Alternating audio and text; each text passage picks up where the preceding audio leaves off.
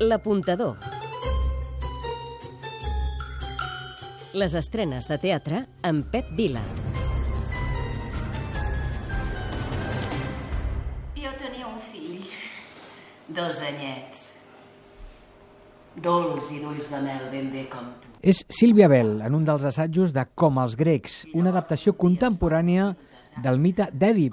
Per tant, si ja coneixeu el mite, sabeu que pot ser mare o... Passar un dia d'agost.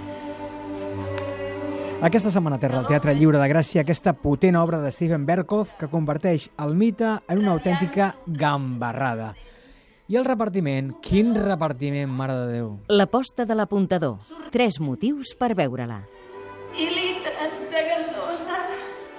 El primer, Per buscar la connexió entre l'obra de Sòfocles i aquest Edi, que no pas Èdip, un antiheroi que no acaba d'adaptar-se ni al sistema ni a la Gran Bretanya de Thatcher dels anys 80, on es barregen atur i terrorisme amb les idees neofeixistes. Bé, era els 80 i potser l'actualitat també, no? el segon, perquè assistirem a un concert de teatre físic i verbal amb una gran traducció de Joan Sallent, una obra molt gamberra on tothom es diu de tot.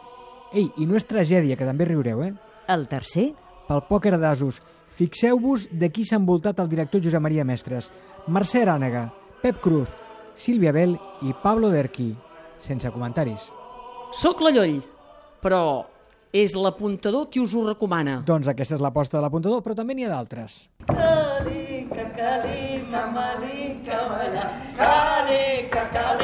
El Jardín de los Cerezos, TNC, Chekhov i Carmen Machi. Assídua visitant de Catalunya, l'hem vist fa pocs mesos al llibre, la Matxi és un dels eixos centrals d'aquesta obra on els amos d'una vella hisenda es veuen obligats a vendre-la a causa dels deutes. En aquesta finca hi ha un emblemàtic hort de cirerers, un dels clàssics de Chekhov que retrata el declip de l'aristocràcia i la pèrdua dels privilegis davant la irrupció de noves forces socials. Vinc de fer-me un massatge. Joder, qué bien vives, coño. Un massatge diferent. Oh, mami, Teatre Borràs. Ai, punyetera rebotiga. Tres amigues obren una botiga de cupcakes, però no acaba de funcionar. I una d'elles proposa ampliar el negoci oferint massatges amb final feliç. Comèdia d'embolics que protagonitzen, entre altres, Anna Barratxina, Jofre Borràs, Octavi Pujades o Betsy Túrnez, dirigits per Oriol Vila. Tu sí que hi vas parlar amb Satanàs, mestre. I en un desert no molt diferent d'aquest, a tu... Judes traït, escenari brossa. Passejant Si no fos per mi, no en parlaríeu tant d'ell. Monòleg on David de Julio és un Judas transformat que es revela contra els patrons establerts i reivindica el seu paper universal i vigent en l'actualitat. Ja sabeu, aquesta hora que estem a tocar de Setmana Santa.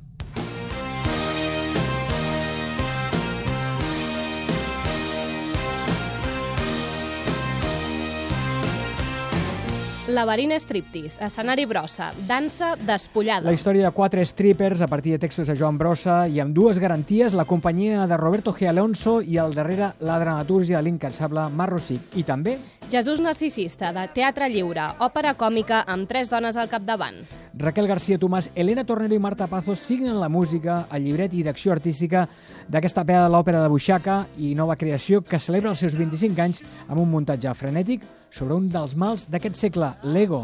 Abans, Sala Villarruel, Daniel J. Meyer Forever. L'autor del text d'Aka n'és també autor-director d'aquesta obra on dos germans, nascuts a Barcelona, viuran un cúmul d'adversitats que faran que els trontolli gairebé tot. Anònims, Teatre del Raval, Generació Millennial. Smart Comedy, que parla de quatre joves que van sortir del niu quan començava la crisi, amb il·lusions, amb frustracions i que es veuen implicats en un segrest amb un objectiu, sobreviure als seus somnis a qualsevol preu. les recomanacions. Sweet Talk, bueno, jo tinc TOC, estic diagnosticada de TOC des de fa ja 11 Sweet anys. Talk número 6, Sala Beckett. Et sacseja i molt. Espectacle de mig camí entre el teatre, la dansa, la música i la llengua de signes que significa el patiment mental. El millor. La sinceritat de Clara Peia, que confessa que pateix des de fa uns quants anys aquest trastorn obsessiu-compulsiu que li ha canviat no solament la seva vida, sinó també del seu entorn. Però la lluita i la confiança la fan seguir endavant. El pitjor. Que cada cop les peia, o en general les impossibles, la companyia ho fan millor. I ara han posat el llistó molt, molt, molt alt. Un moment per recordar. Doncs gairebé tots, però sobretot aquells en què totes dues germanes despullen la seva ànima. En definitiva, Qui no les coneixia en queda admirat i qui ja les coneix reafirma la seva opinió. Els seus espectacles, tan sincers, tan emotius, són rodons. Hola, sóc el Pablo Derqui i és l'apuntador qui us ho recomana. L'apuntador